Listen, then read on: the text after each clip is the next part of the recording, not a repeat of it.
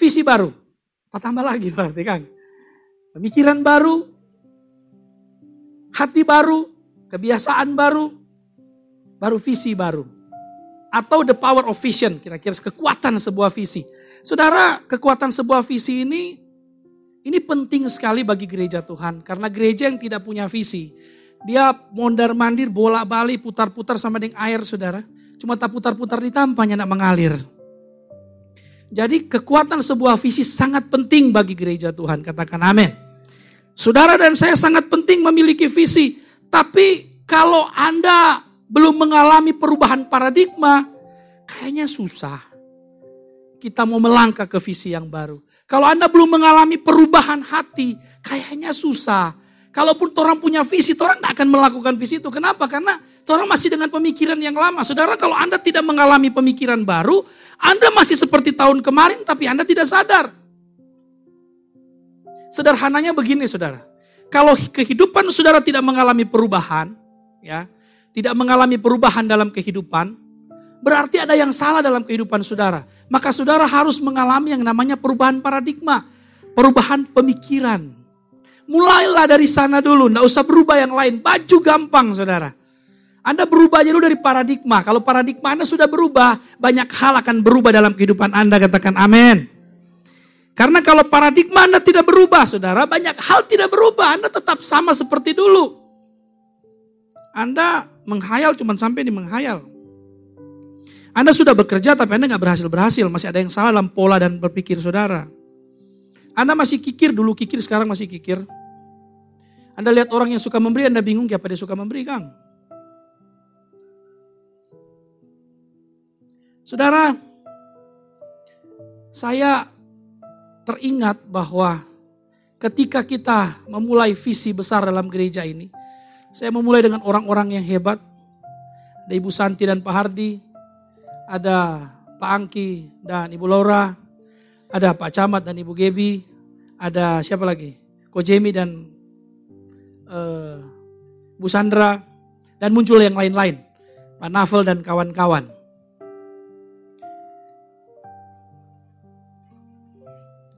Saya rindu jemaat Tuhan tetap on the track di KLC. Makanya hari ini saudara, saya rindu mendengar hati mereka ketika kita memulai dulu apa yang mereka dapat. Apa yang mereka dapat dari saya yang membuat mereka kuat sampai hari ini. Itu akan menjadi acuan khotbah saya. Nah, dorangnya persiapan ini kita tahu. Asik sekali. Tapi kan orang so hidupi lama ini. Sampai yang kemarin kita training gereja, saudara. ya Pimda kami, kami training empat gereja, ketua sekretaris bendahara. Saya nggak pakai materi. Kenapa saya nggak pakai materi? Karena tuh materi orang so hidupi 13 tahun. Jadi kita bicara lupa akhir sampai selesai. Nah sama kira-kira dengan malam ini. ya Saya rindu mendengar sesuatu dari teman-teman leader kita di tempat ini atau elders. Saya mau ambil yang tua-tua yang pertama orang bangun ini KLC saudara dengan sebuah mimpi konyol. Orang bilang mimpi mimpi anak-anak, mimpi bermain-bermain. Tapi saya mau bilang begini saudara. The power of vision itu, kekuatan sebuah visi saudara. Itu memang muncul dari angan-angan dan rencana seperti itu. Waktu Anda mendengarkan sharing mereka, saya nggak tahu mereka mau bilang apa sebentar. Saya juga nggak bilang orang di grup. Kita cuma bilang mau rapat karena sebentar ada sesuatu yang orang mau meetingkan. Tapi saya belajar saudara begini. Ini baik buat komunitas kami dan baik buat saya secara pribadi dan baik semua bagi semua tim leader yang ada. Dan saya rindu jemaat Tuhan ada juga di posisi yang seperti itu. Mengerti dan menghidupinya saudara. Ingat ada banyak orang ini saudara tak putar-putar cuma tak putar-putar di tempat. Orang menghabiskan waktu kosong saudara. Tahun lalu sama, tahun ini sama, tahun depan juga sama. Apa yang baru? Tidak ada yang baru saudara. Makanya tadi saya, saya ingatkan lagi tentang paradigma baru. Anda sudah mengalami itu belum? Anda mengalami paradigma baru ketika Anda sering hidup dalam proses. Orang yang sering hidup dalam proses, lama-lama dia mengalami kesembuhan dari proses itu. Maksudnya begini, yang dulu Anda masih sakit hati dengan dengan kata orang yang gak baik dalam hidup saudara, lama-lama Anda gak sakit hati lagi, itu namanya Anda sembuh. Habis Anda sembuh, baru Anda mengalami apa? Perubahan paradigma. Orang yang tidak mengalami proses, dia tidak akan mungkin mengalami perubahan paradigma. Jadi orang pernah tanya kepada saya, Pak Pendeta bagaimana kita mengalami perubahan paradigma? Oh saya bilang nikmati proses hidup. Yang kedua, buka belief system dalam hidup saudara. Maksudnya gate of belief, pintu kepercayaan. Yang orang sering ajar kalau di training itu. Masih ingat apa kok Di tiga pintu. Audio, visual, kinestetik. Jadi buka aja itu. Nanti lama-lama Anda mengalami perubahan paradigma. Saudara, kenapa Anda ketemu orang statua tua ada di gereja? Tanya visi aja dia tahu. Apa Bapak visi gereja? tahu. dia, dia bingung. Saudara, visi itu sederhana sekali saudara. Visi itu ketika Anda tutup mata dan Anda melihat, itu visi. Visi itu kan apa Anda nanti, saudara. Ada orang bukan tidak punya visi, takut bervisi. Dia takutnya tidak mampu sampai ke sana. Itulah beda itu. Itu bicara mental. Anda cuma ada dua pilihan. Anda mental pahlawan atau mental, mental pecundang. Pecundang itu selalu mundur, selalu gagal, baru bertempur solari. Orang selalu tidak percaya kalau saya cerita masa lalu saya. Kok ada seperti hari ini. Orang tidak percaya, tidak mungkin. Oh ternyata mungkin bagi orang yang tidak pernah lari saudara. Asal Anda jangan mundur aja. Setiap Anda terima proses maju, setiap terima proses maju. Saya dengar kesaksian Kodoni kemarin, ya Sonikinya tambah cerita kurang tambah nangis. Oh, tapi dalam hati begini, hiu Kang, kita kenal dia dulu. Kemarin kita dan Pak Yori duduk minum kopi sampai Malang situ, kok cerita Kodoni. Mbak cerita kan dong tamang. Orang ini kok orang baru stok lama. saudara Kodoni ini saudara, kita ini tahu dia kalau so seberhasil sekarang itu kita tidak tahu. Karena kita tidak suka lihat orang dari kekayaannya orang itu. Kita cuman intinya begini. Kalaupun kita tahu ini Kodoni so seberhasil sekarang mungkin jadi lain dia cerita dia masuk di sini. Orang pecerita pengusaha yang masuk sini tetap kita paling tidak suka ada pengusaha masuk. Kok rombak orang pegambar. Karena rata-rata pengusaha di Manado ini saudara, pendeta nunjuk atur. Dong cuma suka sekali bikin gereja, kok dapat pendeta orang bikin, boleh atur. Kita bilang ke beberapa pengusaha yang sudah lama di tempat ini, kalau Anda seperti itu Anda tidak berkembang, Anda tidak berubah, tidak ada perubahan hidup di saudara. Karena imam itu ada di pendeta. Makanya susah pengusaha masuk di tempat ini, padahal orang butuh sekali pengusaha. Eh Tuhan kirim kodoni saudara. Nah, Pak dia itu kita tidak berpikir dia so seperti apa, kita itu cuma kita tahu kita kenal dia, dia orang lama. Dan tahu kita orang kan suka cepat takonik dalam hati apalagi orang yang kita rasa nyaman gitu. Apalagi dia waktu masuk langsung panggil kata kak, itu kan akrab dengan kita. Maksudnya langsung rasa bukan orang asing, bukan orang lain. Orang mau cerita banyak dengan Pak Yori kemarin tentang Kodoni. Yuk kang kak dapat ingat dia dulu. Angka-angka kopra dari dari Bitung ke Danau eh Danau eh ya kan karena beli di Danau Wudu jual di pabrik-pabrik di sini saudara. Kong dia dulu Anda bayangkan itu sekitar 20-an tahun lalu berapa besar sebesar apa ini kodoni ini dulu lebih kecil lagi dari sekarang. Wah ada angka-angka kopra. Ya agak bikin saya. Ini foto kijang. Kalau tidak salah bis itu kan buka konter kan. Konter kecil beli-beli HP bekas ya kalau salah ya. Kalau dia jual ulang saudara. Saya nggak tahu waktu itu ya 10-20 tahun lalu itu apa yang dipikiran Kodoni. Tapi sayang saya tahu dia pasti punya mimpi untuk jadi pengusaha sukses.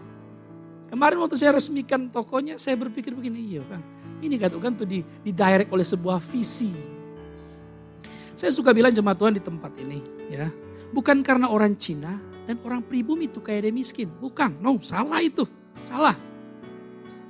Cuma karena memang banyakkan orang Cina dilatih untuk mencari. Jadi soal kebiasaan, Makanya kita bilang, alami yang namanya perubahan paradigma. Ukuran saudara ada di paradigma saudara. Di mana Anda berdiri cuman sampai sebatas yang ada di dalam hidup saudara. Paradigma saudara. Jadi ukuran saudara, batas saudara berpikir. Sudah, selesai.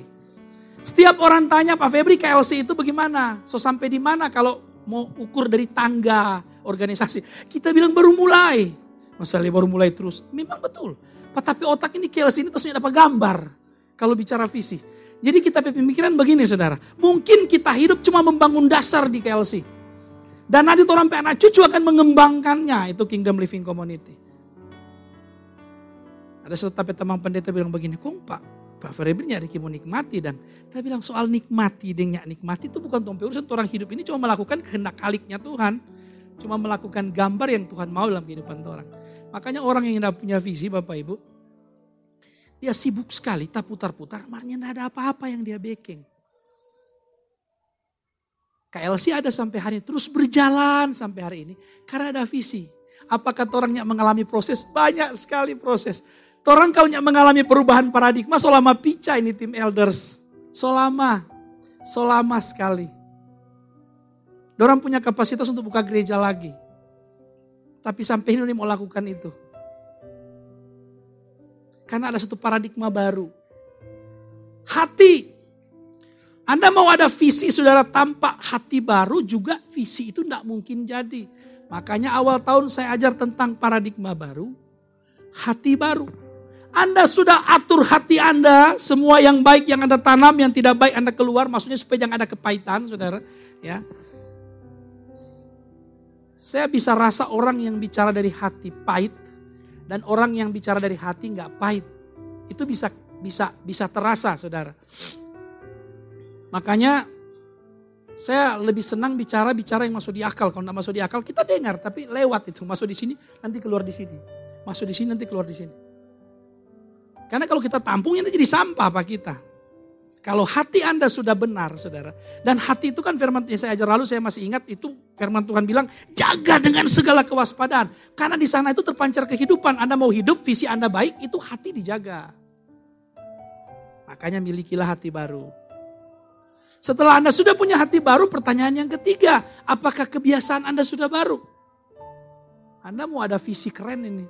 Kita mau suka jadi Tapi kebiasaan Anda nganggur, tidur, Mbak Uni, Mbak Carlota, Mbak Carita. Setiap hari Anda kelihatan sibuk, setiap hari Anda pergi di pangkalan ojek, marah main catur. Anda paham ini saudara?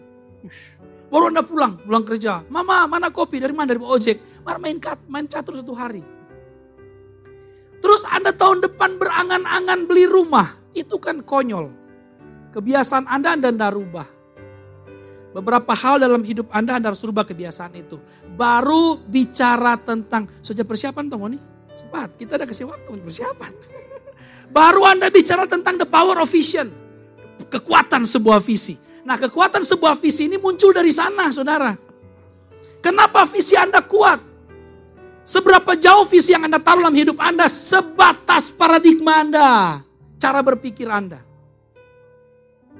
Kalau Anda merasa sukses dengan punya rumah satu, sudah sampai di situ top Anda. Finish Anda sampai di situ. Anda berpikir, saya berpikir bahwa saya sukses ketika memiliki jemaat banyak. No. Kalau Anda mau jujur, siapa Anda yang pernah saya kunjungi? Nggak ada tuh. Ya, saya intens dengan anak rohani saya. Anak rohani saya, saya minta untuk turun ke bawah. Jadi saya bukan sibuk memperbanyak jemaat, saya sibuk memperkuat SDM di murid, pemuritan. Karena Yesus bilang itu, pergilah jadikan semua bangsa murid Tuhan. Kalau saya kejarnya banyak jemaat, saya cukup jadi pendeta yang karismatik. Pendeta karismatik itu kalau jaga masuk, nanti semua dekat-dekat firman baru masuk. Itu pendeta karismatik. Minyak wangi dikasih banyak-banyak, dia masuk dari belakang sana. Supaya waduh dia masuk, lupa gembala. Dapat cium, guys. Kong semua tapi panjang jalan tak mesti pasang tehel supaya babunyi. Plok, plak, plok, plak. Wih, gembala. Kalau perlu tambah dua tiga orang di belakang. Wih, sedap sekali. Itu namanya pendeta karismatik. Muncul kadang-kadang. Jangan jawab aku dapat dengan orang, jangan sembarang baca dengan orang. Itu pendeta karismatik. Semua pola kepemimpinan kita sudah belajar. Kita pilih pola humble seperti ini. Ini pola humble. Siapa juga datang baca kita sini, kita ada di sini. Tapi soal pengembalaan memang kita pakai sistem kerasulan. Bukan pola pengembalaan. Kalau pola pengembalaan, gembala turun-turun rumah, naik turun rumah, naik turun rumah berdoa, naik turun rumah berdoa, naik turun rumah berdoa. Itu pola pengembalaan. Kalau di tempat ini bukan seperti itu. Karena kalau kita pakai pola begitu, nanti lima tahun depan mati cepat kita. Karena jemaat seribu tidak mungkin, saudara seperti itu, tidak mungkin. Dia harus punya sistem. Nah kenapa saya bilang ini? Ini belum semua tadi bilang tentang KLC. Kalau KLC ada di blueprint Pak kita. Makanya orang punya uh, profile company. Saudara itu visi. Itu sudah taruh di sini. Nah pertanyaan saya sederhana begini. Jemaat yang duduk sekarang Anda punya visi apa saudara? Jangan Anda setiap minggu masuk gereja duduk. Tapi masuk gereja duduk. Eh Anda punya sesuatu. Ada yang Anda pikirkan. Tiap Tuhan angkat Anda satu derajat. Tuhan punya rencana dalam hidup saudara. Tuhan bikin Anda sesuatu, Tuhan itu jadi Tuhan itu tidak pernah salah waktu menciptakan kita awal. dan dengan tujuan yang mulia. Yang salah orang, bukan Tuhan. Tuhan gambar orang serupa dan segambar dengan Allah punya tujuan maksud abadinya Allah itu sudah ada. Tapi torangnya yang salah. Torang tidak pernah tembus-tembus ke sana. Kenapa? Torang tak putar-putar di padang gurun. Tidak pernah mengerti rencana Tuhan. Tuhan atur orang keluar ngoni dari sini. Uh, ke tanah perjanjian. Bangsa Israel itu perjalanan dua minggu dia putar-putar 40 tahunnya sampai-sampai. Jangan-jangan orang masih di padang gurun. Masih tak putar-putar. Tiap hari tong bangun pemikiran yang sama. Saudara, orang yang punya visi, dia bukan berpikir yang baik dan yang buruk, tapi yang baik dan yang terbaik. Itu orang punya visi. Jadi beda pemikiran orang punya visi, saudara. Kenapa Anda tidak goyah? Karena Anda punya tujuan. Anda tidak terganggu dengan segala tete bengek di kiri dan kanan. Ya, kita lagi menuju ke sana. Hidup Anda kalau seperti itu keren sekali saudara. Anda tidak goyah, Anda fokus. Jadi Anda akan lihat kehidupan Anda terus berubah dan terus berubah. Saya melihatnya sederhana. Setiap orang yang saya lihat kemarin dan sekarang berubah, dia ada dalam tujuan hidup yang benar. Dia tinggal begini saudara, orang-orang model begini tinggal begini. Tinggal terus melihat gambarnya Tuhan, terus dia tinggal mau konekkan saudara. Saya pernah ajar dulu tentang visi pribadi dan visi korporat. Setiap orang tuh punya visi pribadi. Visi pribadi itu masuk visi keluarga kalau sudah menikah. Dan visi korporat. Visi korporatnya visi gereja Tuhan. Ini harus connect. Jangan tidak connect. Jangan begini, itu kan urusan gereja. Ini bukan gereja, itu salah saudara, salah. Tuhan membangun gereja Tuhan satu, bukan banyak. Empat orang itu kenapa namanya Kingdom Living Community? Karena ada istilah sekuler dan gereja, tidak ada. Makanya orang pemerintahan itu gerejanya di pemerintahan, pengusaha gerejanya di dunia usaha. Orang kesehatan gerejanya di kesehatan. Itu paradigma gereja yang benar. Jadi tinggal orang konekkan, Tuhan kenapa kita jadi orang pemerintah? Tuhan kenapa kita jadi orang ini? Tuhan kenapa kita jadi orang itu? No apa dan tugas gereja? Tugas gereja memperlengkapi. Anda duduk di sini kami perlengkapi. Bagian Anda mengerjakan tugas gereja di luar sana. Jadi gereja itu saudara bukan terang ketemu terang, makanya silau. Bukan garam ketemu garam, darah tinggi. Anda lihat garam ketemu garam, saudara. Orang gereja di orang gereja baku dapat di gereja, bakal terus. Kenapa? Dia tidak tahu fungsi gereja. Salah total. Gereja itu bukan dalam gereja, gereja itu di luar. Katakan amin. Itu gereja Anda. Kalau Anda jadi pengusaha Anda masih bangkrut terus, bangkrut terus, bangkrut terus, langsung cek Visi Anda tidak mungkin, tidak mungkin bukan visi Anda yang salah. Tapi ada yang salah dengan mungkin. Mungkin kebiasaan Anda. Mungkin cara berpikir Anda. Mungkin apa pun saudara. Bisa aja. Coba rubah itu. Kenapa tapi keluarga kacau terus kan? Kenapa kita keluarga? Coba cek ada yang salah dalam hidup saudara. Karena Tuhan tidak merancang keluargamu hancur. Tuhan tidak merancang usahamu hancur. Tuhan tidak merancang pekerjaanmu hancur yang Tuhan rancang masa depan yang penuh dengan harapan. Punya visi lah. Kekuatan sebuah visi itu sangat-sangat luar biasa. Saudara, satu ayat bilang begini. So siap, tim elders. Eh, siap ya, cepat ya. Sudah semua ya? Amsal 29 ayat 18 bilang begini. Bila tidak ada wahyu, menjadi liarlah rakyat. Berbahagialah orang yang berpegang pada hukum. Saudara, eh, nyana ada visi saudara dengan kata lain begini, liar atau berantakan. Saudara, begitu saudara.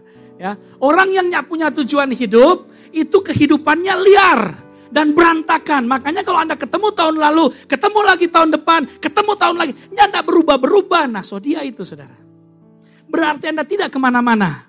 Atau Anda makin lama bukan makin baik, makin hancur. Itu tandanya Anda tidak punya visi.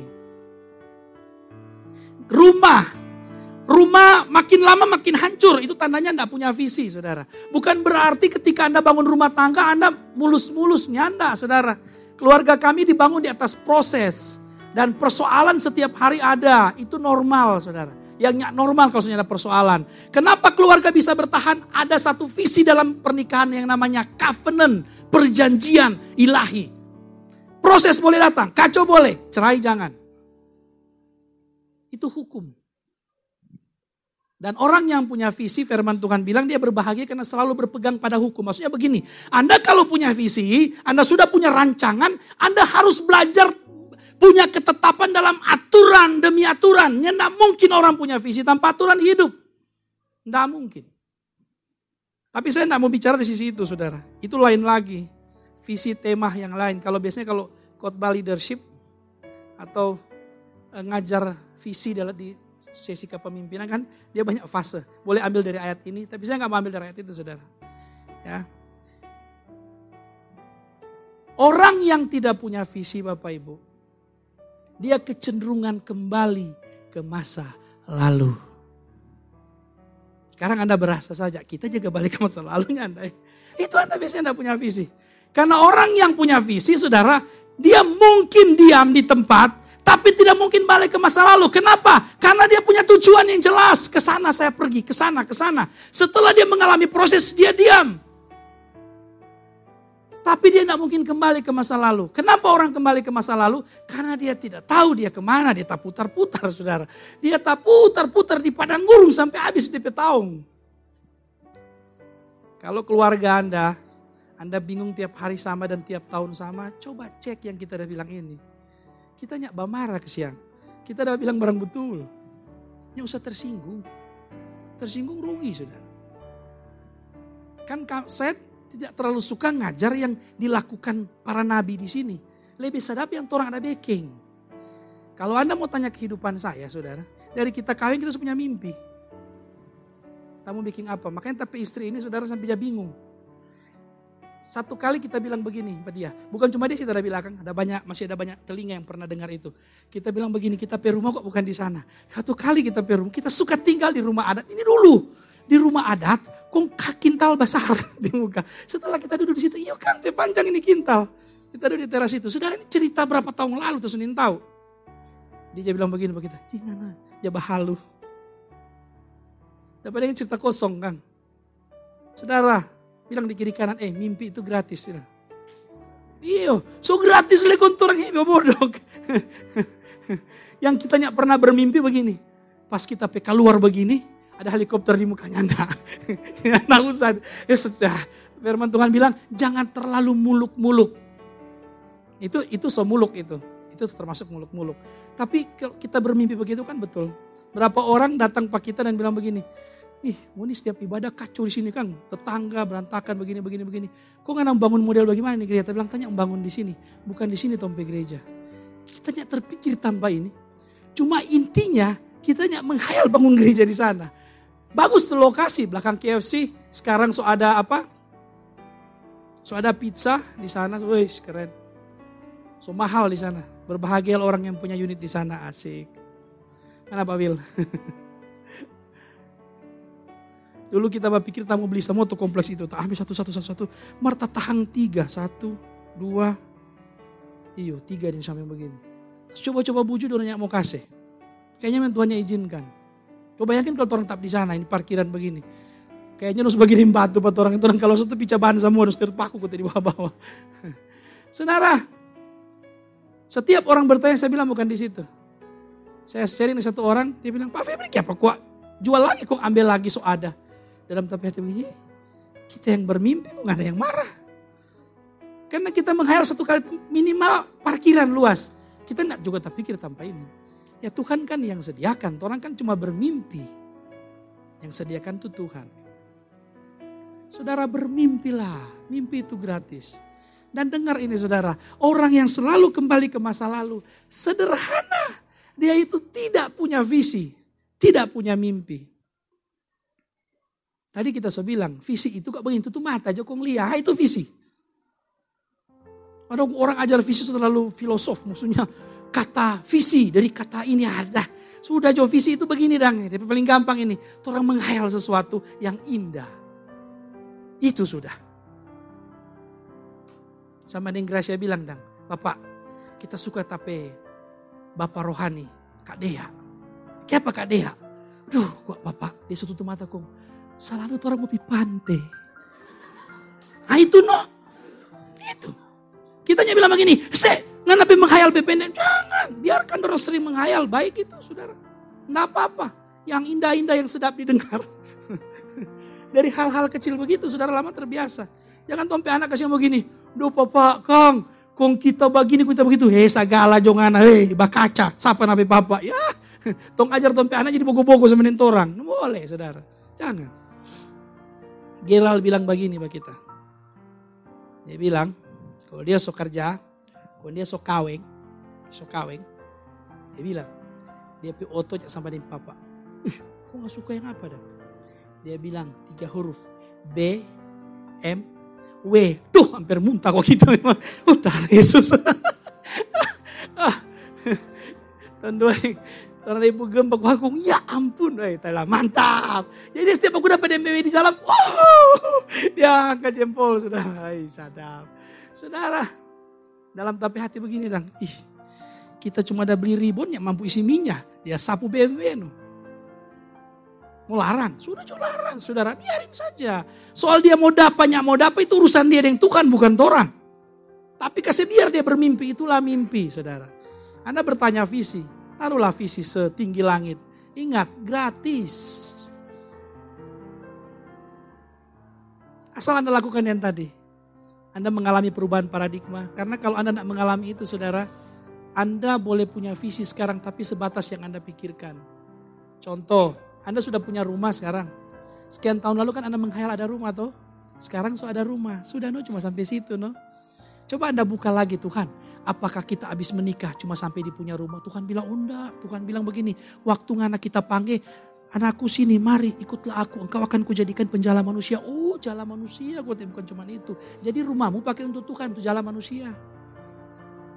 Anda paham sampai di sini, saudara? Jangan batasi dengan hal-hal yang sedikit-sedikit itu, saudara. Pencapaian yang Tuhan kasih dalam hidup saudara untuk tujuan gambar kaliknya Tuhan, bukan bukan gambar saudara. Makanya saya bilang tadi, Anda harus punya visi pribadi dan visi korporat visi korporat inilah yang gandengkan dengan visi tubuh Kristus. Gereja Tuhan lagi lakukan apa sekarang? Contoh, saya punya visi pribadi, punya visi gereja. Saya sebagai pemimpin saudara harus terus berpikir Tuhan, gereja Tuhan sekarang lagi ke mana? Apa yang lagi dikerjakan gereja Tuhan? Makanya saya punya grup beberapa pendeta khusus orang-orang yang menurut saya sih bagus jadi teladan hidup menurut saya. Karena dompet link-link bagus.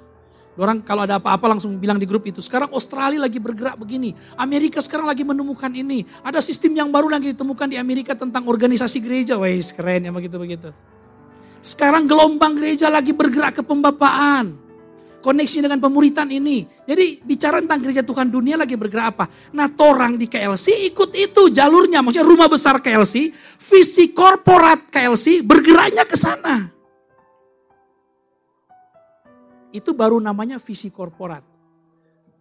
Kenapa saya bilang gandeng dengan visi pribadi? Oh harus. Ko Yahya dengan umurnya Ko Yahya.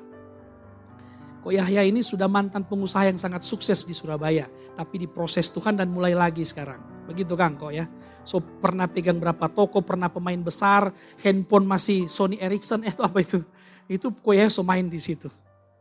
Tapi dengan cara Tuhan ketemu rumah KLC dan mulai baru di sini. Soalnya balik, so tinggal di sini. Dan memulai baru. Sekarang semua yang Ko Yahya bikin tetap bangun usaha, tetapi konekkan dengan pekerjaan Tuhan. Maksudnya begini saudara, ketika Tuhan berkati dia, dia mulai berpikir apa yang dia buat untuk pekerjaan Tuhan. Simple, sederhana. Itu namanya terkoneksi dengan rumah. Dengan visi korporat. Ko Yahya melakukan dari hal-hal sederhana. Warta jemaat dia kasih gratis. Setiap orang bikin baliho ini selalu cetak, selalu cetak. Makanya tomba cetak supaya bivi baca cetak. Sedikit-sedikit cetak, ulang tahun cetak, ulang tahun gereja, ulang tahun gembala, eh, pasca, Jumat Agung cetak terus. Gratis. kita bilang, kita bilang Pak, Henry, Henry minta nota apa Ko Yahya? Minimal bayar bahan balik dang tuh. Kita ajarnya begitu. Tapi kok kayaknya enggak mau. Ya itu so kita komitmen dia bilang. Saudara, saudara maksudnya begini. Anda pikir ini cuma sekedar. Cuma cuma itu leko. Eh jangan saudara. Jangan. Koyahya lagi terkoneksi dengan rumah. Dengan visi korporat. Tuhan tinggal melihat seberapa besar Tuhan bisa mempercayakan sesuatu buat Koyahya untuk mendukung gereja Tuhan. Sederhana saudara. Sederhana. Dan kalau Koyahya lihat kita. So mulai ada, so mulai tampung mas, so mulai, ah sudah saya berhenti itu pemberian. Berarti gembala so mulai kaya. Kalau mami harga jahannya ada, mami boleh beli tas, tenang kan doi sendiri. Dia bilang begini pak kita, pi, tapi teman-teman gembala kan orang, orang dia mesti dia menceritakan, maaf ya beberapa teman gembala ya. Orang doi dong simpan karena takut jemaat lihat kaya, terus uh, anaknya uh, kasih sekolah di Australia tapi bapak diam. Terus kalau mau beli apa-apa kalau di gereja mesti bapak pakai mesti ya putih semua begitu. Terus nanti kalau suka keluar baru bapak pakai. Tapi oh pak orang beda bapak pakai jo. Terserah mami bilang punya bapak pakai jo. Torangnya korupsi ditampa ini saudara. Karena torangnya pegang perpuluhan. Dorang kenapa takut? Karena pegang perpuluhan. Orang takut jemaat rasa terlalu banyak memberi. Memang ADART gereja begitu saudara. Di mana-mana semua saya nggak bisa marah itu. Karena semua ADART gereja perpuluhan dipegang gembala. Tapi saya nggak mau dari awal. Karena saya rindu bangun perbendaharaan rumah Tuhan dikelola di rumah Tuhan. Dan saya rindu orang dua ini nggak pikir-pikir doi. Jadi kalau dapat berkat dari perbendaharaan ada dapat gaji dan tong ambil. Kalau nyana ya sudah no. Tong nasib kan memang sudah jadi gembala. Nggak usah mundur cuman karena yang namanya gaji. Tapi pernah kasih dia pikir seperti itu? Soal apa yang kami bangun saudara. Yang kami pikirkan, yang saya mimpikan saudara. Semua saya sudah dedikasikan untuk rumah Tuhan ini, Kingdom Living Community. Jadi visi pribadi saya, visi keluarga saya ada, tentunya ada saudara. Amsal bilang orang baik meninggalkan warisan baik bagi anak cucunya. Jangan Anda terlalu hebat saudara, tapi Anda tidak punya warisan apa-apa kepada anak itu bodoh juga. Saudara tahu kenapa banyak anak gembala rusak? Ini kok tompe survei-survei saudara. Yang tong lama di mentoring gereja. Sederhana orang bilang. Orang bilang begini saudara. Bagaimana orang tidak jadi preman. Bagaimana orang jadi pamabo, narkoba, dan lain sebagainya. Dia bilang begini. Orang ada lia-lia dari kecil. Orang pe papa mati kalau mati di bangunan gereja sana. Kenapa orang sekarang terlantar? Gembala so gembala baru. Anak gembala banyak yang kecewa. Kenapa saudara? DP papa mati-matian bangun gereja lupa DP anak cucu. Itu menurut saya radikal bodoh. Karena Amsal bilang orang baik meninggalkan warisan baik. Jadi anak masuk dalam rencana kita. Maaf, saya sudah punya warisan buat Gerald dan Gracia. Kita masih muda, masih hidup. So ada orang. Tidak apa-apa, tidak dosa itu. Tidak dosa. Soal saya dapatnya dari mana itu berkat Tuhan saudara. Kita nih tahu apa, kita juga menghayal, itu langsung jadi jadi. Padahal kita cuma menghayal. Duh, so, so lepas semua sih tempat tinggal tuh orang nih. Kita suka ada rumah rumah adat ah begitu. Apa? Saya bangun ini semua sampai semua masuk 200 juta. Ada saudara. Maksudnya ada terus. Setiap minggu semua bayar gaji tahu-tahu ada. Masih ada sisi-sisi sedikit bantu di pembangunan. Kita lihat begini orang kan kalau berjalan dalam visi Tuhan, kau tinggal dalam otoritas Tuhan. Semua kok Tuhan sediakan. Yang saya mau bilang ini sama saudara begini, jangan ragu kasih connect orang pemimpi dan mimpi korporat. Visi pribadi dan visi korporat harus menyatu supaya Anda satu kali kelak, satu kali kelak Anda akan tutup mata dan meninggalkan semua itu. Pertanyaan saya sederhana, kalau Anda mati besok, Anda bikin apa di rumah Tuhan? Anda ada bikin apa di gereja Tuhan? nama, pernah jadi pendeta, pernah jadi song leader, pernah jadi pemusik. Anda bikin apa? Jangan-jangan sudah tua-tua orang ada di gereja Tuhan, orang sendiri yang tahu. Saya tidak sedikit ketemu pengusaha kecewa di gereja. Dan banyak kami tampung orang seperti itu. Ada beberapa sobat paksa sekali masuk di sini, cuma kita pikir, aduh dia masuk lagi kepahitan kita lah yang bingung. Jadi sampai sekarang beberapa hari saya cuma, kita cuma muridkan, muridkan terus, muridkan terus. Tapi intinya kecewa dengan gereja. Gereja cuma pakai pada orang selama dong kaya. Kalau memberkati gereja. Habis itu dia gembala kasih biar karena masuk pengusaha baru. Saudara, sebenarnya kalau ada terjadi seperti itu cuma karena gerejanya ada visi. Kalau gereja ada visi saudara, nyenda ada orang yang berguna dalam rumah Tuhan. Katakan amin. Hele mau maras rumpu itu tuh berguna sekali itu. Dan dia ada bagian di sana. Satu kali ada seorang bapak bicara dengan kita di sini. Dia bilang begini, Pak Gembala, kita kasih boleh kasih apa-apa. Ini tidak ada apa-apa kok kita. Jadi dang, ya kita cuma boleh setiap hari begini ada lowong kita ambil waktu bantu tukang. Bapak itu namanya Pak Yusuf, ada masuk gereja dia? Seorang bapak, so kita cuma dah kok hampir menangis, oh Tuhan, siang ini. Kita ada apa-apa Pak Gembala. Jadi ya cuma ini yang kita boleh buat di komselnya Pak Hardi. Kita cuma datang bantu. Jadi kita kok bingung ya, apa dia setiap hari tertentu satu minggu dia parkir, satu hari dia ambil satu minggu dia parkir motor, lihat dia ada di situ. Dia bilang ini Bapak Yusuf ini bikin apa? Kok nanti dia pulang sore ketika bas pulang. Ini tahu ketika siang dia mau memberi sesuatu di gereja. Dengan apa? Tenaga. Jangan Anda bilang begini, kita punya apa-apa, apa lihat kasih di gereja. Wey, setiap orang itu so gambar masing-masing. Saya berfungsi sebagai gembala saudara atau sebagai bapak korporat, saya Anda tak usah berpikir gambar ke mana gereja ini itu urusan saya. Saya kadang sampai tidak tidur cuma menghayal itu. Tuhan mau ke mana di gereja ini? Tuhan mau ke mana di gereja ini? Lima tahun depan harus seperti apa? Jadi yang hari ini saudara usah menghayal lima tahun lalu. Orang ini saksi. Makanya Pak Angki kalau bercerita kita ini, kakak su bilang ini kan jadi, jadi no. Sekarang kita lagi berpikir lima tahun depan yang 10 tahun depan seperti apa gereja ini. Itu visi Bapak Ibu. Orang yang di direct visi, dia itu tidak mau goyah di apa pun. Kita ini kesian dapat goncangan, dapat benturan, eh, paling so paling so paling paling kita tak berhenti. Untuk baliknya mungkin kita akan maju terus. Jadi orang yang punya visi dia tidak akan pernah kembali ke masa lalu. Anda lagi punya visi apa di rumah Anda? Jangan-jangan rumahmu pun Anda tidak pikirkan. Aduh kasihan. Nah apa-apa pendeta tong hidup makan hari ini. Kesusahan hari ini. Cukuplah untuk hari ini. Besok punya kesusahannya sendiri. Hai, haleluya. Kalau Anda pakai ayat itu terus saudara. Eh, dari buahnya lah kita dilihat kata Tuhan. Kong, kenapa sampai hari ini saya tidak mau masuk di dunia politik? Karena saya malu, bukan cuma bukan cuma kita yang malu, kita juga tidak enak jemaat bilang topik gembala berpolitik atau topik gembala berkampanye. Kita juga memikirkan saudara. Anda tangkap ini? Nah, Anda bayangkan coba gini dong, orang lain dong. Eh, bilang gembala. Kok? Saya makan tidak makan itu urusan Tuhan, bukan urusan saudara. Tapi saya lihat jemaat di tempat ini sungguh luar biasa. Orang belum pernah mati lapar. Terima kasih buat jemaat yang selalu bawa makanan sini setiap hari. Karena masih bekerja maksudnya. Jadi kita nyebeng makan di situ. Kita dengar perkomsel ya sekarang atau apa itu? Setiap itu dong bawa macam-macam, uh, makanan sakti-sakti, ubi, apa santang. Satu kali sapa sudah bawa santang ikan garang, kita kira kuah santang. Tasu sirang di nasi, jalah ikan garang kutik memang kuah. Habis makan kuah langsung eh, buh, obat biji. Niu, niu, ikan garang. Nah, tuang. Warna apa-apa, sadap, bawa terus. Saudara saya mau bilang sama saudara, itu jangan saudara bikin sama dengan gereja-gereja lama. Saudara yang begini, oh orang kok aja bekerja sama. No, no, no, no. Anda lagi mengambil bagian dalam rumah Tuhan. Apa pun yang Anda buat di tempat ini, satu lembar seng sana saudara. Kalau Anda ada berkat tambah tuh seng sana, itu orang belum soalnya anak mampu saudara. Ya, itu kita ada kumpul-kumpul tuh seng sana, kita beli bekas, beli bekas, beli bekas sampai itu saudara. Terus kemarin saya dan Ko Jemi beli siang di muka sana di belakang itu. So tutup-tutup semua tapi masih tergantung. Kalau Anda punya siang bekas bawa di sini biar cuma satu berguna itu taruh situ.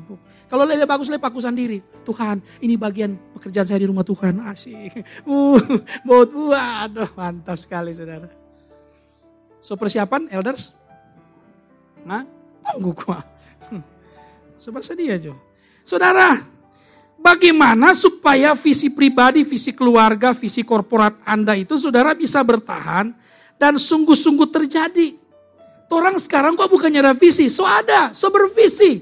Tapi banyak gagal di tengah jalan. Mungkin yang saya bilang tadi semua Anda bilang mungkin itu pernah baking, itu pernah baking. Tapi kita sekarang seperti hari ini. Saudara, firman Tuhan bilang begini yang pertama. Ya. Yosua 1 ayat 7 bilang begini. Hanya kuatkan dan teguhkanlah hatimu dengan sungguh-sungguh. Bertindaklah hati-hati sesuai dengan seluruh hukum yang telah diper, diperintahkan kepadamu oleh oleh hambaku Musa. Janganlah menyimpang ke kanan atau ke kiri supaya engkau beruntung ke mana pun engkau pergi. Supaya visi Anda jadi saudara yang pertama Anda harus fokus. Orang yang tidak fokus tidak pernah jadi DP visi. Saudara, Anda juga cuma fokus. Eh, orang itu kuat dan tidak kuat ketahuan dari dia fokus dan dia tidak fokus. Karena orang fokus itu dia mengerti dengan benar. Dan dia melakukan dengan sungguh. Makanya kalau dengar firman saudara, dengar sungguh-sungguh. Jangan sampai lihat, terus tahu ayat ini. Dia bilang begini dia bilang begitu ini. Saudara, setiap pendeta selalu bilang ayat yang sama. Tapi pengertian yang keluar selalu berbeda. Kenapa berbeda? Tuhan bicaranya lain. Saya siapa pun yang khotbah, Hele utuh khotbah kemarin di sini kita di situ bawa cerita tapi telinga dari situ. Makanya waktu uh, Pak Elvis duduk kita bilang, untuk kita kira bicara visi pemuritan. Kenapa dia bicara tentang aplikasi pemuritan? Melakukannya dengan kasih dan lain sebagainya. Kenapa saya tahu? Karena kita dapat cerita tapi telinga dengar khotbah. Bagi kita tuh sana yang penting, firman itu. Padahal tuh minum kopi itu dapat cerita. Karena setiap firman yang keluar itu, eh, itu suara Tuhan saudara. Fokus, bilang di kiri kanan, fokus. Jangan pandang enteng ini saudara, fokus itu orang yang kuat saudara ya. Orang yang tidak fokus persoalannya adalah ya selalu salah sasaran, gagal dan gagal lagi. Pokoknya Anda lihat aja orang yang gak fokus pasti dia dia ada ada baking sesuatu di ujung-ujung ih bukan ini kok teh. Karena dia gak fokus dari awal. Orang yang gak fokus itu saudara selalu salah sasaran, selalu seperti itu saudara. Banyak orang pandang enteng. Saudara, Tuhan kasih apa di hidupmu? Coba. Saya pernah Tuhan taruh contohnya untuk bikin A, untuk bikin B atau untuk bikin C. Pertanyaan saya sederhana, apakah sampai hari ini Anda masih memikirkan itu? Atau sonyanda? Berapa kali saudara pak kita hidup ini, saudara kita duduk dan berpikir begini, konyol kita ada baking ini, ngapain kita jadi gembala? Dan kita kapasitas, kita masih boleh jadi pengusaha, boleh jadi apa pun, kita pilih banyak sekali. Kita kenal semua orang yang punya pabrik. Sampai yang kasih solar cell itu saudara DP pabrik itu solar cell. Dia tanya minta berapa, dia bilang ampa Jo. Dia bilang cuma ampa Pak Febio, cuma ampa, ampa Jo. Dia kasih ampa, so ada kurang mau pasang.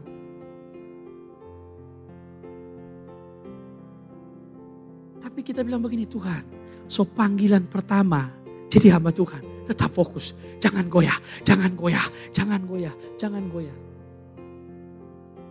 Kita lihat orang-orang di lingkaran pemerintah ini kemampuan cuma sampai begitu Kang. Kalau kita masuk menjadi penasehat, aduh udah mau kagum sekali Pak kita ini. Ada enggak? Oh ada. Ada pikiran itu ada. Dan banyak lagi yang kita pikir. Kamu bangun ormas jo, atau apa. Pokoknya segala macam muncul di pikiran ini saudara. Tapi karena mau coba fokus, mau coba fokus, mau coba fokus, mau coba fokus. Makanya hari ini Bapak Ibu, gembala saudara masih gembala sampai sekarang dan tidak berubah. Itu karena mau coba tetap fokus. Bilang di kiri kanan jangan lupa fokus. Saudara orang yang fokus itu dia tidak dipusingkan dengan hal-hal yang tidak esensi, hal-hal yang tidak penting. Kenapa? Karena ada tujuan yang mulia. Kalau Tuhan sudah taruh Anda, Tuhan sudah taruh Anda, contohnya Pak Severson, Tuhan taruh dia sebagai hamba Tuhan di dunia pemerintahan. Fokus di sana jangan goyah, jangan goyah. Sekalipun langit sekarang, Tuhan tidak berjanji langit selalu biru. Tidak apa-apa saudara, tetap fokus. Kenapa? Tuhan sudah panggil engkau ada di dunia pemerintahan. Jadi berkat di sana. Sekian tahun lalu kok Jamie ini sudah datang pak kita. Dia tak gantung utang dan segala macam. Kok dia bilang begini, Kak, kita semua lari ke Surabaya. Iyo, iyo kak. Kak, sorry Tasu bikin malu kak penamas tuh kage. Karena kita don't tahu ada dengka. Saudara kita lihat apa dia. Kita bilang Jem jangan lari. Kanya pusing ngana bangkrut dengan apa. Kita nyali yang apa doi dengan apa harta. Ngana so berdiri dengka waktu merintis orang dari nol. Jangan lari. Waktu itu yang saya bisa bantu dia saya ingat saya kasih sertifikat rumah. Napa sertifikat rumah ngana gade jo. Kong jangan lupa ambil ulang sertifikat itu. Saya pulang. Cuma itu entah boleh bikin kita nyadoi. Kalau kita doi itu suka kasih itu tahun itu saudara. Kita lihat dia sekarang, eh kenapa mau resmikan satu lady minut? Alah Tuhan kan. Coba kalau dia fokus saudara. Kita bilang Jem, kita nggak butuh orang kaya support pak kita. Kita butuh ada satu pengusaha yang cinta Tuhan. Yang boleh berdiri di mimbar ini dan dia menceritakan tentang Tuhan dari sisi pengusahanya. Bahwa kalau kalau jadi pengusaha dalam Tuhan harus sungguh-sungguh dan radikal dengan Tuhan itu yang kita perlukan. Di ini terlalu banyak pengusaha, resek semua saudara. Orang jadi pengusaha suka sekali supaya diakui, atur gereja dan lain sebagainya. Makanya tong susah dapat pengusaha di tempat ini. So masuk teh, kita so setuju, dia so lama dengan kita di CMN. Kita pikir, ah ini orang bagus so waktu Tuhan. Eh dia pergi kantornya, kita bilang, aduh apa ya? Kok bisa, apa kami masuk habit di sini ya? Tiga hari dia balik-balik cuma mau minta jadi wakil gembala. Kalau dia minta, kita juga so pikir dia so ikut semua tempat training. Bagi kita begini, lama ini orang ini jadi. Memang dia lagi lebih tua, lebih senior dari pengusaha-pengusaha di tempat ini. Tapi karena dia ngotot jadi wakil gembala, cuma barang sepanggal itu. Tak cuma dia bilang kok uh, kok datang Jo, dudu Jo. Dia bilang aduh kalau kita kok apa Bapak Feb. Tapi, tapi istri Ci ini Pak minta kita minimal jadi itu. Kali waktu itu beberapa anak rohani di samping suhagap kita suhagap fals. Kita bukan karena ada orang, ya. Memang kita nih mau model begitu. Eh, kalau masuk, masuk Jo. Masuk lebih minta kedudukan. Ada yang lebih parah satu. Dia bilang begini kalau yang satu tukar waktu itu ke Alvin, tukar kita di Alvin. Alvin suruh jadi tim support di CMN, waktu dia kita angkat di tim support di CMN. Jadi orang-orang ini semua kita angkat semua jadi tim support di pergerakan. Tanya angkat di gereja, biar jatuh sampai gereja urusan Tuhan. Dia bilang tukar dia di Alvin, dia di gereja, Alvin di CMN. Itu haru siang. Alvin itu dari Mbak Ingus Tasolelia. fokus saudara, fokus, fokus, fokus, fokus. Karena Anda ketika punya visi, Anda akan tertabrak dengan barang yang satu ini. Anda akan bingung, apa kan kita pada akhirnya Anda salah terus. Kenapa salah lagi? Kenapa salah lagi? Kenapa Anda gagal ulang? Gagal ulang, gagal ulang. Coba cek, Anda pasti nggak fokus. Yang kedua, supaya visi Anda itu terjadi, elder siap. Yang kedua, firman Tuhan bilang begini, dalam Lukas 16 ayat yang ke-10. Saudara, jadi supaya visi Anda sungguh-sungguh jadi memang benar-benar terjalan hidup saudara yang pertama fokus. Yang kedua firman Tuhan bilang dalam Lukas 16 ayat 10 bilang begini. Barang siapa setia dalam perkara-perkara kecil, ia setia juga dalam perkara-perkara besar. Dan barang siapa tidak benar dalam perkara-perkara kecil, ia tidak benar juga dalam perkara-perkara besar. Saudara, wow, Anda mau visi Anda jadi, saudara, sederhana anda belajar konsisten dan setia. Jangan sampai difokus. Anda sudah fokus. Sudah fokus. Tapi Anda tidak kuat. Anda tidak mampu bertahan. Fokus gampang. Anda suruh bilang begini. Coba lihat aqua ini. Anda lihat aqua ini. Gampang. Fokus. Fokus. Yang susah bukan fokusnya. Yang susah bertahan lihat itu. Itu yang susah. Tahukah sudah dalam kehidupan ini. Yang paling susah ketika Anda mempertahankan sesuatu. Makanya jangan suka instan, saudara. Semua yang instan itu tidak baik. Ada beberapa teman-teman sekarang persiapan jadi board of leader di KLC. Saya baru undang di grup. Mereka ada di posisi mana saya nggak tahu. Yang penting masuk dulu di grup. Karena saya suka begitu, saudara. Anda jadi dengan waktu itu jauh lebih baik daripada instan. Saya lihat semua pendeta instan, saudara. Ujung-ujungnya, saudara, dia tidak ngerti panggilan itu. Dia goyang di tengah jalan. Kenapa dia goyang? Dia dia lupa imannya kepada Tuhan. Dia lupa siapa dia. Saya coba belajar untuk begini, biar kita tahu banyak. Kita senimuk kita senimuk balik pakai kiri dan ke kanan. Biar jo kita sampai mati tetap gembala, sampai tutup mata. Itu jo. Berarti memang Tuhan sepanggil kita for itu. Nggak usah tambah-tambah, jangan tambah-tambah embel-embel, jangan tambah-tambah urusan.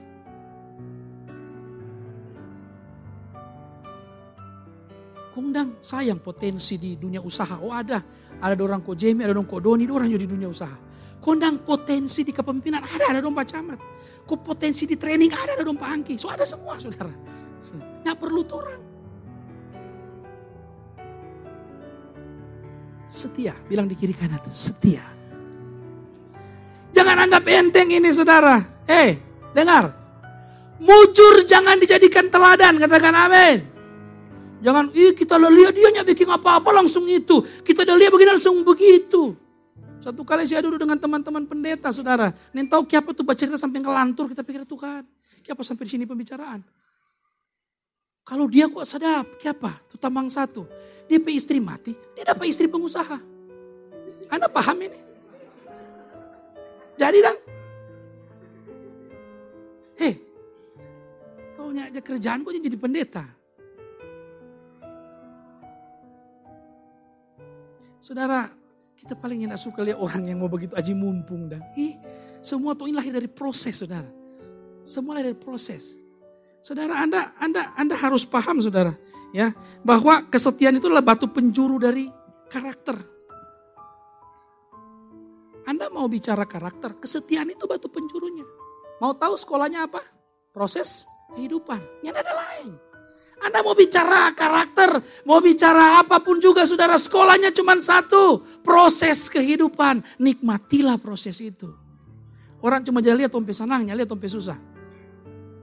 Sekarang kami lagi ngajar Pimda saudara. Pimda lagi terkagum-kagum. Sekarang sudah lagi gejolak ini di Sulawesi Utara. Sampai ada satu grup bikin grup radikalisme di sana. Karena orang kan bukan dari sekolah Alkitab gereja itu.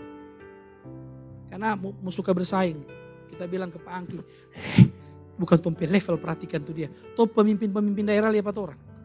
Orang bikin acara di Maju datang. Kemarin don datang. Ini mau bikin Serayon Manado tanggal 5. Tetap don dengar apa yang Tom bilang. Kita bilang pada dia orang yang punya visi, mengendalikan orang yang punya visinya usah pusing.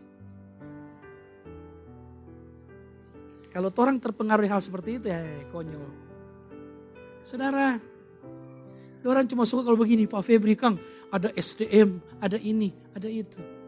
Saya bilang, Anda dengar apa pun yang kami ajarkan, saudara. Sekarang orang ajar apa pun. Orang bilang juga begini, orang juga so dengar itu. Bahkan orang pengajar. Kemarin salah satu pendeta bilang begini, Allah kita jah ajar nih Pak Febri udah bilang, tapi kita baru tahu. Ada yang salah kota kita. Iyalah salah. Banyak pendeta dia berpikir bahwa dengan fasilitas langsung mewah tanpa SDM, SDM bisa ada. Salah total. Bangun SDM dulu. Gedung sana mungkin lahirkan SDM. Tapi SDM bisa lahirkan gedung itu, paham? Satu orang pengusaha bisa bangun gedung itu, itu namanya SDM. Tapi satu gedung itu tidak mampu lahirkan satu pengusaha. Karena itu gedung, fasilitas. Orang banyak pendeta kejar gedung dulu supaya jemaat masuk. Setelah masuk dalam stres, sakit hati. Ya terbangun di dalam. Orang aja ini, so seperti ini pengajar 10 tahun lalu, hasil tetap belum sempurna. Tidak apa-apa, terus belajar sampai jadi sempurna. Namanya juga setia, tetap, tetap. Apakah kami juga di tim kepemimpinan nak mengalami yang namanya proses ini? Oh ada saudara. Tapi kalau ada lihat sampai hari ini tidak satu pun leader yang keluar. Itu namanya kami mau coba tetap bertahan. Proses kuat. Saya dari masih masih berdua, maksudnya begini, masih apa? Eh, tim kami masih kecil, saudara hanya ada Pak Angki, ya, dan Ibu Lora, Pak Hardi dan Ibu Santi, Pak Jemi dan Ibu Sandra, kami sudah sering bicara, ya kami bahkan sudah sering doa dan saya sudah bagi visi kepada mereka nanti begini, nanti begitu, nanti begini, nanti begitu. Sampai sekarang masih begitu, saudara, dan tidak berubah. Memang sudah diatur sedemikian rupa. Makanya kalau Anda lihat Pak Angki sekarang ada di dunia luar, entertain itu bukan diusir dari gereja ini, bukan memang dia dipersiapkan untuk membangun sampai yayasan dan lain sebagainya. Dan memang seperti gambarnya memang sebegitu.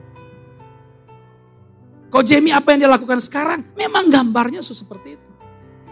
Pak Hardi dan Ibu Santi sebagai hamba Tuhan full timer di tempat ini sampai sekarang. Tak bilang ke Pak Hardi dan Ibu Santi, sudah jumlahnya macam-macam Ngoni. Ngoni kok boleh jadi pengusaha besar juga kalau Ngoni keluar. Bisa, tapi di sini perlu hamba Tuhan lah. Jadi Pak Hardi ketika tiba waktu nanti tidak perlu merintis lagi. Dia punya hak wewenang tinggi di gereja ini karena dia pengelola lahan ini semua. Kita masih hidup dan kita somati, tetap Pak Hardi tanda tangan yang dibutuhkan di sini. Makanya di situ semua tanda tangan penanggung jawab wilayah dan area itu ada di situ yang tanda tangan di depan meterai, aturan-aturan KLC Land itu Hardi nomor satu. Lahan KLC Land, Hardi Manguntika. Wih. Jadi dari waktu itu Pak Hardi sudah dipersiapkan. Semua talenta yang dipersiapkan dia cukup Cukup untuk hal itu. Dan fokus di sana dan tetap setia di sana. Pak Angki memang sudah dipersiapkan untuk tubuh Kristus. Dari dulu saya training dia tentang leadership, training tentang training tentang tentang mengajar dan lain sebagainya. Sampai hari ini tetap di situ, sampai sekarang. Makanya dia kalau di dunia training atau di CMN atau di daerah, dong lebih kenal dia dari elders yang lain. Ini saya cerita ke saudara, maksudnya ini gambar orang yang 10, 10 tahun lalu. Sekarang setelah tambah, so lebih banyak lagi. Ada beberapa dari saudara saya hubungi pribadi, nanti masuk di sini ya, masuk di sini ya. Kenapa saya bilang orang-orang itu? Karena kita kok kita solia begitu, maksudnya pak kita bilang, tahu apa dari dulu. Ini orang pas di situ dia. Pas pegang ini, pas pegang itu. Karena orang sampai ke depan itu Bapak Ibu Saudara ya, itu sampai yang urus ini itu Nggak usah pendeta, jangan. Jangan gembala yang urus ini, ini semua aset ini semua jangan. Nanti generasi kita rusak. Itu kasih orang-orang profesional, jemaat yang diangkat, yang punya wewenang, punya loyalitas tinggi, teruji, biar orang yang urus itu dong yang pegang. Itu jauh lebih baik. Kum bagaimana dong wewenangnya Pak Febri? Eh, ada wewenang kita di sini.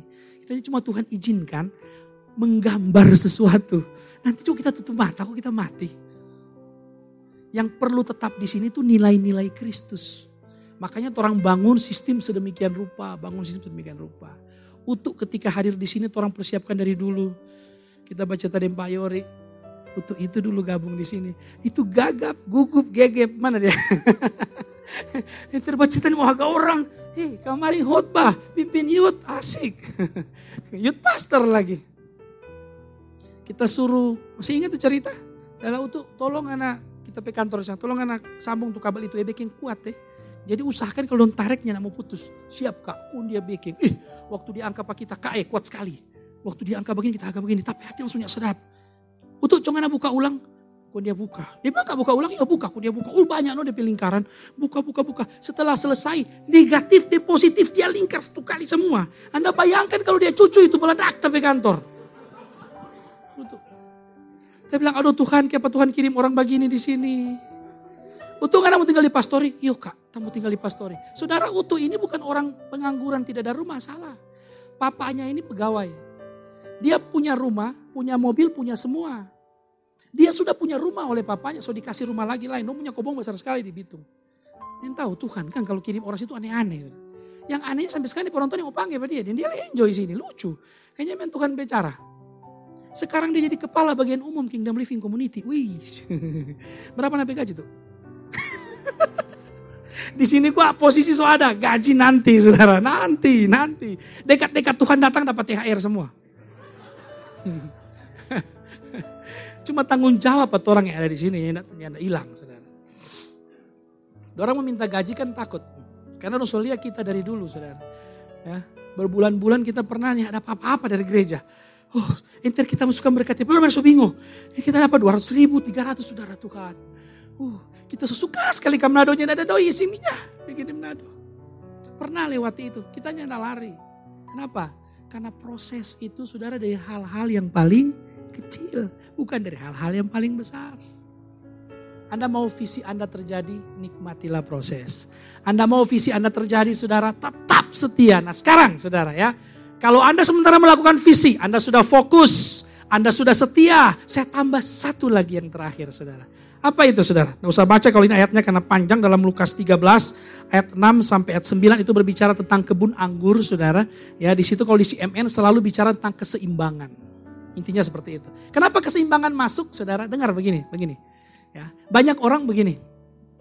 Dia punya visi sangat kuat. Sangat kuat visinya, powerful visinya. Dan karena dia fokus, visinya memang jadi, saudara. Ya, tambah dia setia, ya dia konsisten melakukannya. Wah, lebih jadi lagi visinya. Tapi hasil akhirnya ada yang korban. Satu kali Pak Severson bicara dengan saya. Satu toko di Sulawesi Utara. Bilang,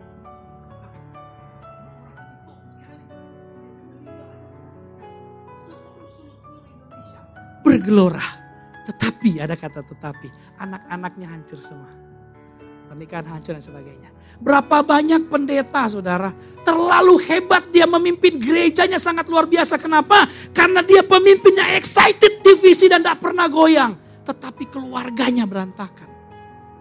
Anda paham sampai di sini? Berapa banyak pemimpin saudara yang kelihatan sangat hebat. Menggoncang dunia, bukan cuma negara. Tapi berapa banyak yang korban di bawah dia. Coba cek Hitler pe orang berapa banyak yang mati. Bahkan di Indonesia ada yang lebih rela saudara DP pengawal biar mati anak-anak polisi tembak. Tidak jadi masalah yang penting jangan dompe bos. Itu bukan pola Kristus. Kalau di otak saya lebih baik tapi full timer makan yang kita. Yang makan dorang nyanda. Jangan. Makanya kita kasih maaf. Biar sadi kita pe berkat. Kita mau suka bagi dengan kita pe pemain-pemain musik. Kalau kita kayak Natal begitu kan tahu ada berkat entah dari langit mana antara berat aja muncul kemari. Pung tahu-tahu rekening masuk, ini masuk, ini masuk. Saudara pikir saya pakai itu? No, no, no. Saya kasih ke teman-teman gereja yang saya kenal dan selama ini saya dampingi yang khusus yang miskin-miskin. Jadi kan saya pikir kita cuma saluran. Dan yang prioritas kedua adalah seluruh pelayan Tuhan yang kita rasa membutuhkan di KLC ini. Orang tidak digaji. Cuma ketika kita diberkati, tidak mungkin kita tutup mata pada orang. Biar cuma sedikit, biar cuma dibeli kaos kaki. Tidak apa-apa. Tidak ada. Saya bilang jangan merasa dibayar ya. Di sini tidak ada yang dibayar. Memang tidak ada yang dibayar di tempat ini. Di sini tuh tidak ada yang dibayar. Elders tuh tidak ada yang digaji, tidak ada. Kalaupun ada full timer ya karena orang memang sepenuh waktu di tempat ini. Orang yang bekerja, kami tidak menganut full timer pendeta, nyanda. Itu goblok itu. Masa pendeta dibayar? Makanya mentalitas keuangan rusak semua. Saya di tempat ini kerja siang malam, makanya saya mendapatkan upah. Istri saya kerja, tidak diam. Saudara dengar, orang bisa mencapai visi, tapi kalau nyak seimbang, saudara. Cerita situ paham Kang? Itu tentang kebun anggur, dan jadi sampai uh, kalau mem intinya mau ditebang karena tidak berbuah, tapi ada satu orang datang dan Tuhan kalau boleh ya kasih lagi satu tahun kita mau rawat ini pohon.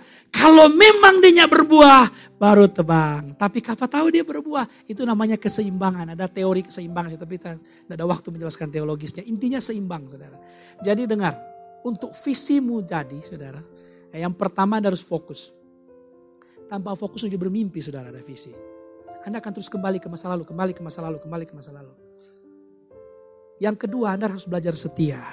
Jangan pernah suka bermimpi Anda mendapatkan sesuatu yang wow dari dari bim salah bim begitu. Makanya saya suka bilang, hei mujur jangan dijadikan teladan. Jangan saudara, jangan. Lebih baik saudara, Anda suka tembak panah itu di dalam lingkaran.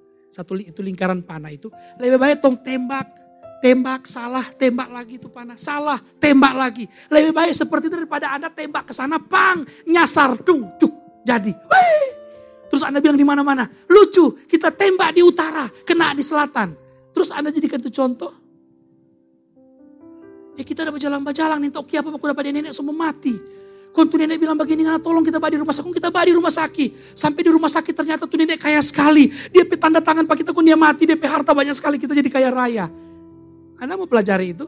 Coba baking kalau ada apa. anda mengerti maksud saya? Saudara enggak usah lah. Kalaupun Anda dapat begitu tuh anugerah Tuhan. Bersyukurlah. Tapi kalau Anda jangan saudara. Jangan. Siapa tahu, siapa tahu. Pendeta banyak rusak karena seperti itu. Siapa tahu dapat begini. Siapa tahu Siapa tahu karena orang berkemurahan con Tuhan. Ih, kita lihat tuh pendeta sana, dia bikin apa-apa dia begini. Jangan belajar dari hal seperti itu saudara. Nikmatilah proses. Teori yang benar tuh seperti itu. Makanya Anda jangan suka bermimpi kaya, Anda bikin apa-apa saudara. Anda lihat orang kaya, saudara bilang, heh dia kok itu kaya karena korupsi. Hei, dia udah mencari setengah mati. Orang tidur-tidur menghayal, kon orang bilang dia korupsi. Saudara jangan seperti itu. Pelajar setia Coba lihat orang. Setelah dia mulai lihat begini, dompet keluarga kang. Sekarang ada ini, besok so ada itu. Lama-lama begini, dia pahit sudah. Makanya dia otot, betul betul, dia betul otot dia. Dia apa dia? Aduh Pak Gembala deh, Bu Gembala langsung ganti otot lagi. Ganti otot lagi, ganti otot lagi, ganti otot lagi. Baik ditampai ini saudara. Tidak ada jemaat seperti itu karena kita suka ganti-ganti otot. Sedikit mau ganti, terus cari Innova. Kamu cari Innova second bukan Innova baru karena ada sekali di Di sini tidak ada yang bicara. Soalnya dari pertama kita itu semua jual for gereja. Siapa mau bicara? Dari dulu kita sama ada auto lunas kok. Cuma gara-gara ini bangun-bangun dan membangun tapi tidak apa-apa itu tak suka.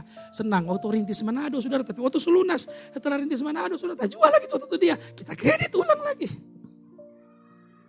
Di apa itu? Mountain Estate. Ada orang kasih itu. Itu orang dia DP orang dia bilang pakai ulang, tanpa itu pakai ulang. Itu tanpa itu mesti berantakan kontong kasih jadi bagus. Renovasinya 70 juta terjual auto satu. Cuma demi bangun menara doa di sana, Saudara. Tapi dengan begitu ada komsel kata orang Pak Navel di sana. Nah apa-apa, benih yang penting tahu sotabur, sotabur, sotabur. Kita nih tahu auto apa yang kita jual untuk buka di pantai selatan sana. Intinya ada sesuatu yang kita jual, jual, jual, jual, jual.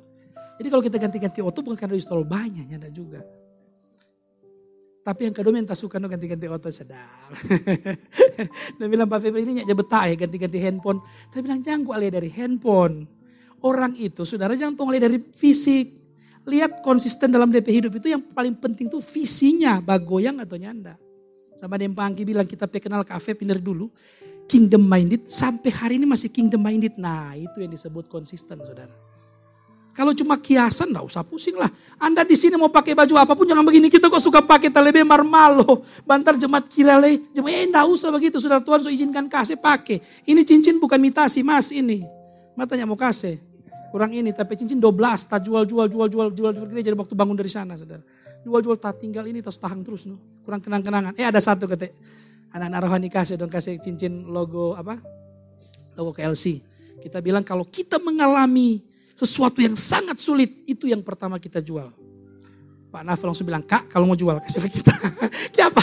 Itu logo yang penting situ bukan tuh harga. Saudara lakukan tiga hal ini. Uh, elder siap? Minggu depan eh. Itu itu tuh bilang tuh jangan mengajar tuh ambak itu no. Masih ingat kan? Ya itu ambak maksudnya pernah pakai tuh. Jadi mesti jaga pakai. Ambak itu ada salah satu teknik khotbah ya pernah orang belajar dulu. Saudara diberkati amin, saudara. Ya tidak ada nanti waktu, orang nanti minggu-minggu depannya, minggu-minggu yang akan datang. Cuma kok supaya dong langsung gelisah, tadi langsung buka laptop semua. saudara, the power of vision, saudara. Bagaimana supaya visi Anda bisa bertahan, fokus, tetap setia dan jangan lupa konsisten. Eh apa keseimbangan? Karena kalau Anda tidak seimbang, saudara akan ada korban. Bagaimana supaya Anda uh, tidak ada korban? Jaga keseimbangan itu saudara ya. Jadi maksudnya Anda boleh radikal kerja, ingat keluarga. Boleh radikal pelayanan, ingat keluarga atau ingat pekerjaan. Banyak orang saudara habis-habisan saudara dia di pelayanan. Tetapi di pekerjaan dia hancur. Yang salah Tuhan, Tuhan tidak salah, Anda yang tidak baik. Makanya kita paling tidak suka di sini ada orang tahu-tahu DP datang kong pendeta, tasu saya berhenti pada dia. Kenapa saya berhenti? Bagaimana sadiki-sadiki, sadiki-sadiki izin latihan, izin doa puasa, izin itu, izin eh. Saudara, jangan bikin pelarian tuh gereja. Kalau Anda kerja, kerja aja sungguh-sungguh. Jangan datang kalau Anda tidak diizinkan. Lebih baik Anda bilang begini di grup, sorry kita tidak bisa ikut latihan sekarang karena tidak diizinkan. Bos, majikan, itu lebih berkuasa. Daripada Anda tinggalkan pekerjaan bilang begini Pak Bos, oh ngana iblis ngana. Ngana larang kita melayani ngana iblis. Kita tetap pergi. pergi. Betul dia iblis ngoni bilang, tapi ketika dia tahan tuh gaji, iblisnya berkati. Kau yang salah siapa kok ini bercerita? Janganlah seperti itu. Itu cuma gereja-gereja lama. Kalau tuh orang jangan. Lakukan apa pun seperti untuk Tuhan dan bukan untuk manusia. Makanya sebanyak korban seimbang, seimbang. Saudara saya terus menjaga keseimbangan dengan istri saya.